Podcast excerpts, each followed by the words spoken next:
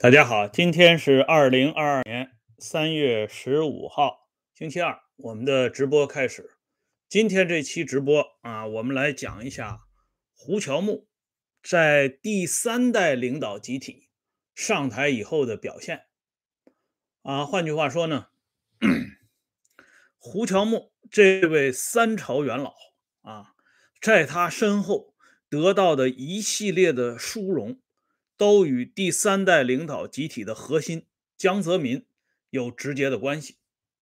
哎，呃，我们都应该啊了解一个常识性的东西，就是说，在咱们中国啊，尤其是当领导的这个追悼会太重要了，因为追悼会呢不是给死人开的，而是给活人开的。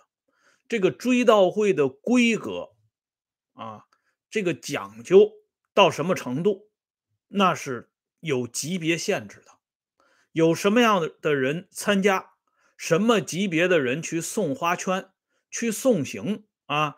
这里边的这些铺垫，比起其他任何一个国家来讲，那都是相当繁琐的。而胡乔木在他的身后给他的盖棺论定评价非常高。给予了四个重大头衔啊！当时啊，中央给胡乔木的定位是久经考验的忠诚的共产主义战士。这个头衔跟日后啊华国锋去世的时候，中央领导集体赋予华国锋的头衔是一模一样的啊。那么接下来再看啊，胡乔木有四个家。无产阶级革命家、杰出的马克思主义理论家、政论家和社会科学家，同时呢，还配了一个领导人，即思想理论宣传文化战线的卓越领导人。大家看一下啊，这个规格，实际上某种意义上讲，风头已经盖过陈云了啊，直追邓小平。邓小平身后呢是四个家。啊，革命家、政治家、军事家、外交家，哎，邓小平的规格是四个家，而且是在《告人民书》当中直接提到的。周恩来也是四个家啊，周恩来的四个家和邓小平的四个家也是一模一样的，但是周恩来的四个家呢是后来追封的啊。在当年一九七六年开追悼会的时候，周恩来只有一个家，就是无产阶级革命家，啊，其他的这些家都是后来赋予的。哎，胡乔木刚刚去世，这四个家就扣到头上了，而且这个卓越领导人也只有陈云这个规格的才能具备啊。你比如说，陈云的规格是什么呢？是伟大的无产阶级革命家、政治家。杰出的马克思主义者，中国社会主义经济建设的开创者和奠基人之一，党和国家久经考验的卓越领导人。哎，这样看起来呢，胡乔木的地位，即使在他身后也是相当高的。那么，我们再从从头看一下毛泽东的身后的这些啊桂冠。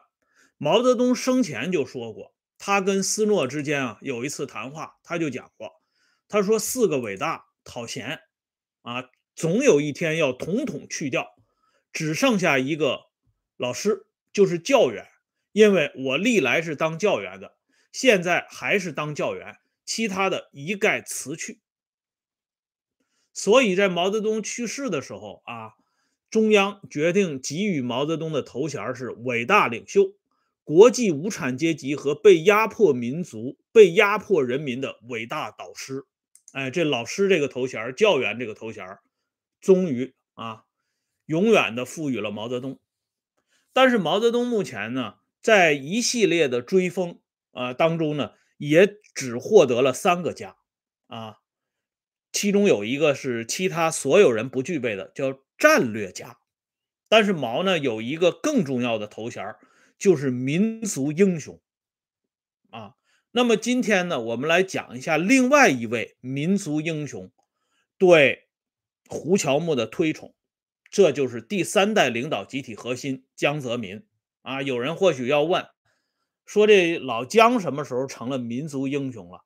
而且这个活着的民族英雄不常见，确实啊，我也是头一次见民族英雄居然还活着啊。这个大家可以上网搜一下百度，百度里边就已经把这个江泽民呢列入到民族英雄的行列里边去了啊。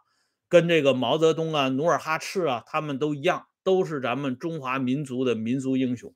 哎，那么下边呢，我们来看一下这个胡乔木，他跟江泽民以及曾庆红他们之间这个渊源在哪里？其实渊源是很早的，早在公元一九八六年。这个一九八六年的时候啊，胡乔木。身体不舒服啊，他决定到上海去休息。而这个时候呢，中央正在搞这个关于企业管理的三个条例草案，胡乔木本人是全程参与了，所以胡乔木是带着任务啊到上海去休息的。当时的上海市委书记是瑞幸文。上海市市长就是江泽民。胡乔木到了上海之后，他考虑到上海是中国的老工业基地，拔头份的，哎，所以他要专门倾听一下上海同志们对这个企业改革的意见。在那个时代啊，就是一九八六年这个时候啊，前前后后这几年，当时这个意识形态领域。主要瞄准的就是企业改革这个大话题，所以那个时候的电影，大家看过有一部老电影叫《雪总是热的》。这部电影其实最早就是在上海用话剧的形式向全上海的啊群众演出，最后被北京电影制片厂搬上银幕，由这个杨再宝先生主演。这部电影呢，歌颂的就是一位改革的厂长，啊，另外呢，还有一部电影也是在一九八三年播出的，叫《一个倔强的女人》，这个呢是由老演员秦怡女士主演，秦怡女士呢至今还活着，已经一百岁了，啊，这个这两部电影都是讲这个企业啊上层啊厂长啊总工程师。带头搞改革的，其实就是暖风频吹，因为国家要搞这方面的动作了，电影啊，文艺作品自然要先行。胡乔木到上海之后，就与上海市纺织局的领导进行了座谈。我们都知道，上海是咱们中国轻纺工业的基地。哎，胡乔木这个座谈呢，这些上海的领导们。尤其是新时期的这些领导，他们是头一次啊听到这位长期主管意识形态领域的大人物给他们上课，因为他们心目当中呢，胡乔木是一个中央的大笔杆子，常于写社论、写特约评论员文章，给中央领导起草重要文件文告啊。那么对于企业这个东西，胡乔木。是不是明白？可是他们一听，这胡乔木可是不得了。胡乔木说的都是内行话，哎，所以让上海的这些啊纺织局的头头脑脑们大吃一惊，啊，说没想到这位老先生居然还懂企业。胡乔木当时首先就提到一点：党政要分开，政企要分开。第二个呢？就是厂长要解决企业中的难题。第三个，企业要不要党的思想政治工作？党的政治思想工作在企业当中，在新时期的企业当中要起一个什么样的作用？啊，这三个课题，胡乔木是侃侃而谈呐。在座的这些轻纺行业里边的领头羊们听完以后。都频频点头，确实啊，不愧是在伟大领袖身边混过几十年的人物一张嘴就不得了。所以这些轻纺啊行业的头头们回去以后啊，议论纷纷。这个消息呢，就一下子飘到了一个啊上海市委举足轻重的人物耳朵里边了。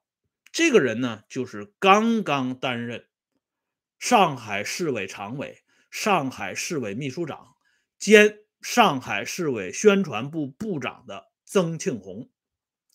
这个曾庆红担任上海市委宣传部部长这个职务，到今天啊，所有的公开史料里边，只有《胡乔木传》里边啊予以披露，剩下包括啊中国共产党组织史资料里边都语焉不详。这件事情啊是非常值得考证的一件事儿。虽然曾庆红兼任上海。市委宣传部部长的时间不长，但是在任内与胡乔木的这次训话却是紧密相连。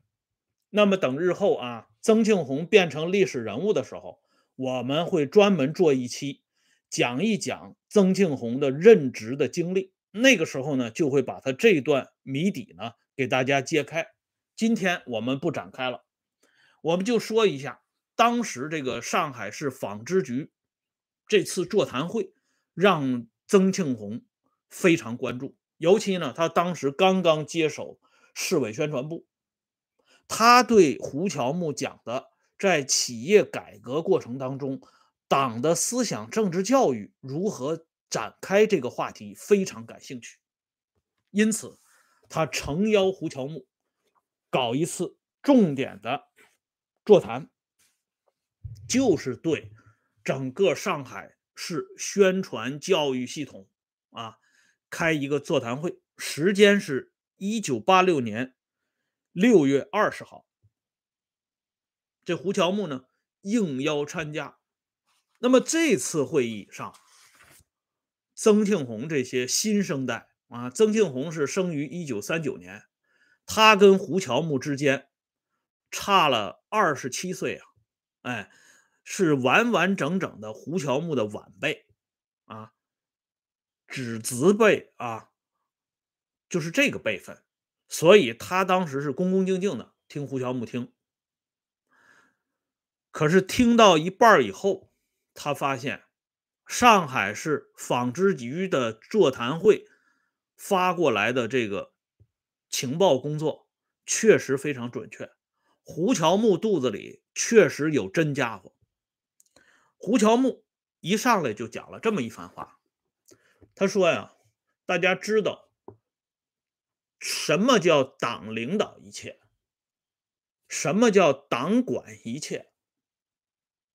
哎，在座的这些都是上海市的主管意识形态的头面人物，他们一听就大吃一惊。这党领导一切和党管一切不是一个意思吗？”胡乔木跟他们讲，这不是一个概念。党管一切是什么意思呢？就是大包大揽，什么都管，地球也管，太阳也管啊，甚至宇宙都管。但实际上，党是做不到这点的，不可能管一切。哎，而党领导一切是什么呢？党站在相当高的高度上，对全盘的工作、全局的工作。起到统帅性的作用，高屋建瓴的指出日后发展的路程，这叫党领导一切。那么在企业当中做党的政治思想工作，就是要把党领导一切具体贯彻起来。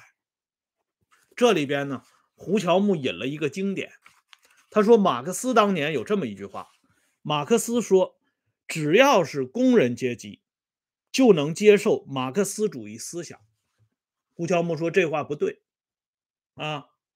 胡乔木说，列宁后来对马克思有一个修正。列宁说，工人阶级不能自发的接受马克思主义思想。工人阶级能够接受的自发的思想发展下去是经济主义，就是拿钱儿捞实惠。哎，所以胡乔木话锋一转。说这个时候就需要政治思想工作了。政治思想工作是要把工人阶级引导到马克思主义思想这个高度上边来。这个开场白开了以后，大家的耳朵都竖起来了。哎，然后胡乔木又进一步讲，他说：“经济主义实惠这个东西，要得不要得？”胡乔木说：“我认为要得。”胡乔木就举个例子，他说：“上海和北京有一个什么样的区别？”啊，胡乔木说：“有的外宾到了北京去，北京的人拉着外宾不停的转，就是为了跟人家多要钱。结果在这个民族文化宫面前转了几次啊，十几次。后来连外宾都问了。”说为什么北京这么多民族文化宫？啊，这个人呢还给人家开玩笑说北京的民族政策好，所以建了很多民族文化宫。胡乔木说：“当然这是开玩笑的笑话，不是真事儿。但是上海在这方面呢，它的这个实惠值得我们注意。他说，比如说你到上海问个路啊，那是八十年代嘛，所以胡乔木说，人家呢告诉你。”这条路怎么走？告诉完之后呢，你要给几毛钱啊，交个学费，这就叫实惠。他说，对于这种实惠，我们不仅不能消灭，还要进行鼓励。具体到企业当中来，工人上班是要赚钱养家的，厂长领导企业是要拿效益说话的，所以捞实惠、经济主义这个东西。不能放弃，放弃了企业就没有活力了，工人就没有干劲儿了。那么我们忙活这个社会主义就没有什么意思了。哎，胡乔木一说这话，这底下人马上就议论纷纷啊，说这个还是胡乔木同志敢说呀，啊，说出了我们一部分人的心里话。但是胡乔木啊，又把这个话题转了一下，他说我们。这些在企业里搞思想政治工作的人，跟这个企业工人之间是一个什么样的关系呢？在这一点上，他说我们这些人应该向西方的这个牧师学习。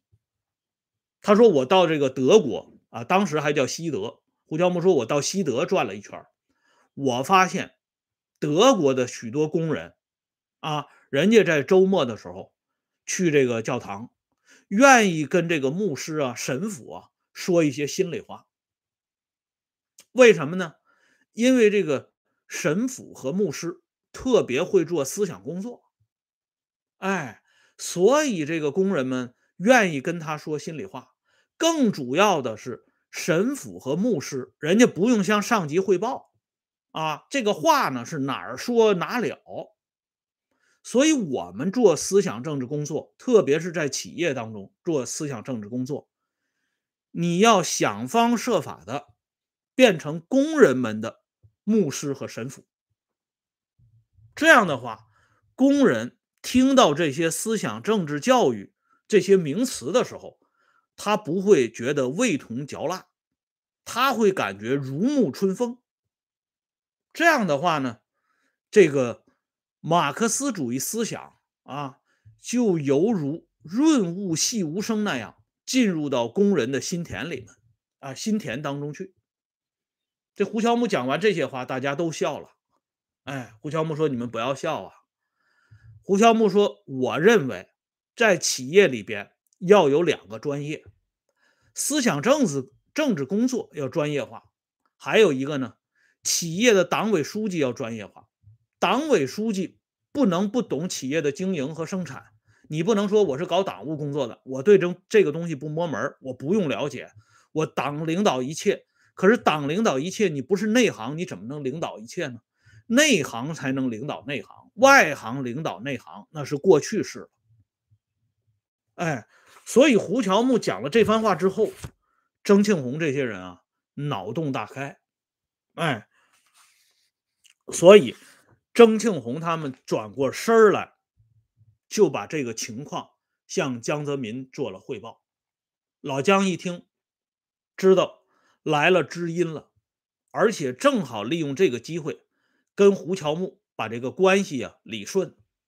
这样，胡乔木回到北京去，在中央高层，人家是有一票的，中央政治局委员、中央书记处书记啊，哎，所以江泽民是肯定不会放过这个机会的。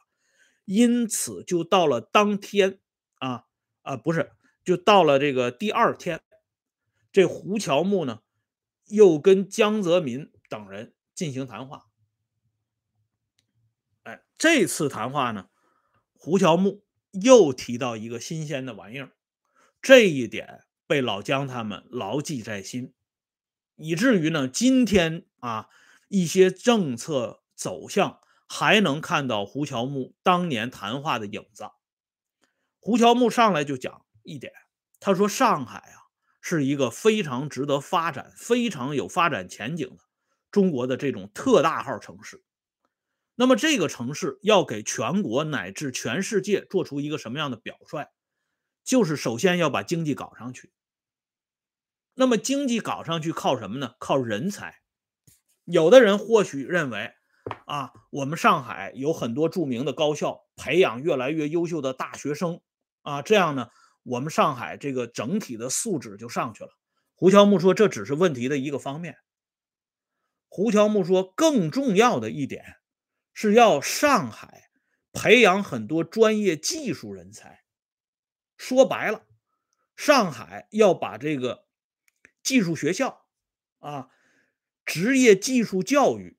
在全国迈出最重要的第一步，甚至将来这个东西作为样板，在全国范围内推广，不一定啊，大家都要选择挤进大学的校门才有出路。你作为一个专业技术人员，你作为一个非常优秀的电工，非常优秀的水暖工啊，非常优秀的这个技师啊，汽车修理工。你同样可以把牢自己的饭碗，甚至生活起来不比那些大学毕业的啊差多少。他说这种情况呢，在人家西方，在德国呀，在有些国家，人家已经开始了。啊，胡乔木说，我到人家那些国家里看过，人家那些国家里那些搞专业技术的啊，一个人上班养活全家人，而且还绰绰有余。周末的时候，全家出去玩去，非常高兴。哎，他说这个人呢，很多人他不是自古华山一条路，只能走大学、走高考这么一条路。如果上海把这个带动起来，这样的话，这个人才呢，他就又多了一个就业的渠道。哎，这样呢，将来为全国做出一个模范。这老姜他们一听胡乔木这一个指点啊，那都是纷纷竖起大拇指啊。说不愧是乔木同志啊，啊，居然一下子就说到了点子上，哎，所以到今天我们看到啊，呃，现在也是在逐渐推这个职业教呃职业技术教育啊，这一点呢正在大力的推动和推行，哎，所以这个胡乔木当时在一九八六年给江泽民和曾庆红这两个日后主导中国第三代领导集体。核心地位的两个领导人留下了极为深刻的印象。那么到了八十年代末啊，江泽民、曾庆红北上到北京主持大局工作的时候，老江刚刚开完中央全会，就马不停蹄的到胡乔木家里去问计问策，而胡乔木本人呢，也积极的献计献策，为第三代领导集体的接班。做了最后的献礼，哎，他出了三个重要的这个主意啊，这个宣传战线的老同志啊，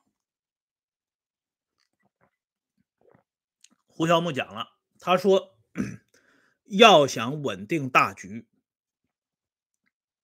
我们就要做好一件大事和三件小事这江泽民一听，这耳朵就竖起来了啊。因为他当时接接手的这个摊子非常复杂，哎，大家都知道，经历了那次啊重大的政治风雨和考验。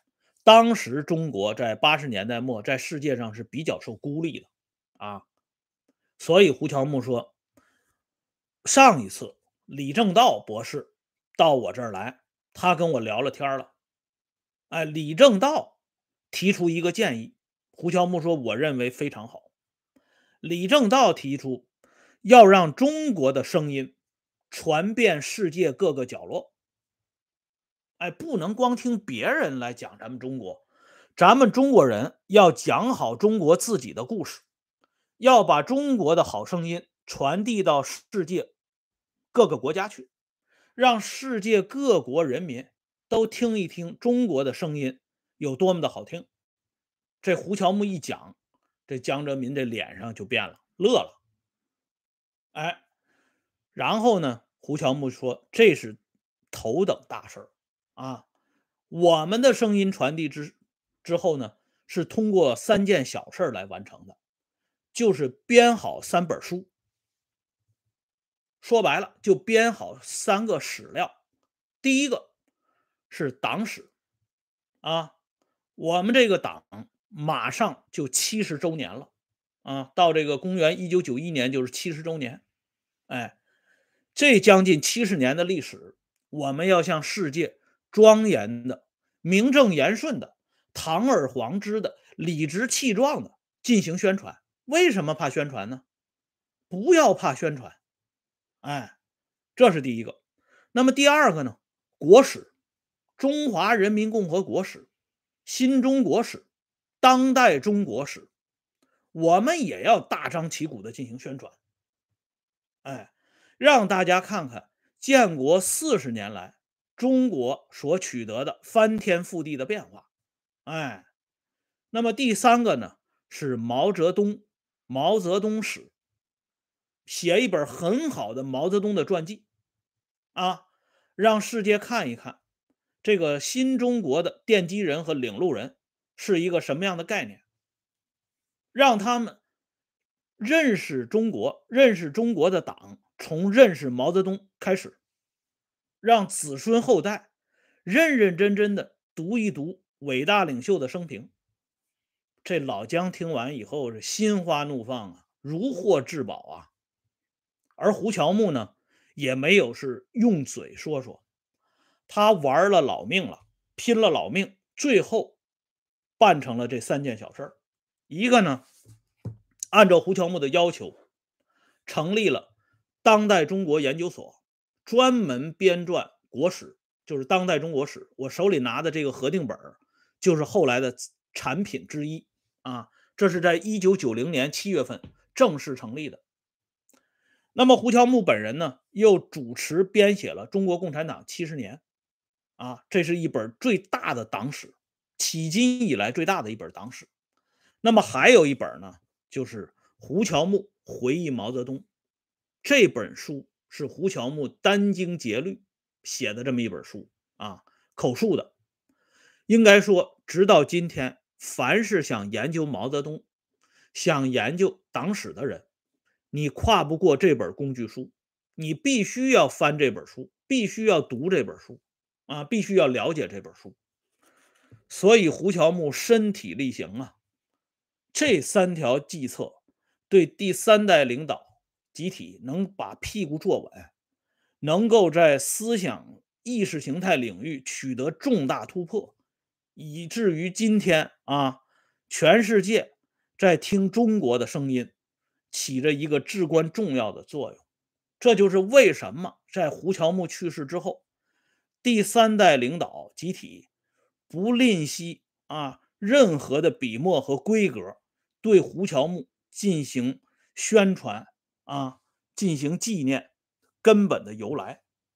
好了，今天呢，我们这期节目就说到这里，感谢朋友们上来点赞、收看和收听，欢迎大家关注温相会员频道。今天呢，怀旧话题在温相会员频道里已经更新了，哎，所以感兴趣的朋友呢，可以选择啊，注册一个会员频道。然后呢，一起收看，再见。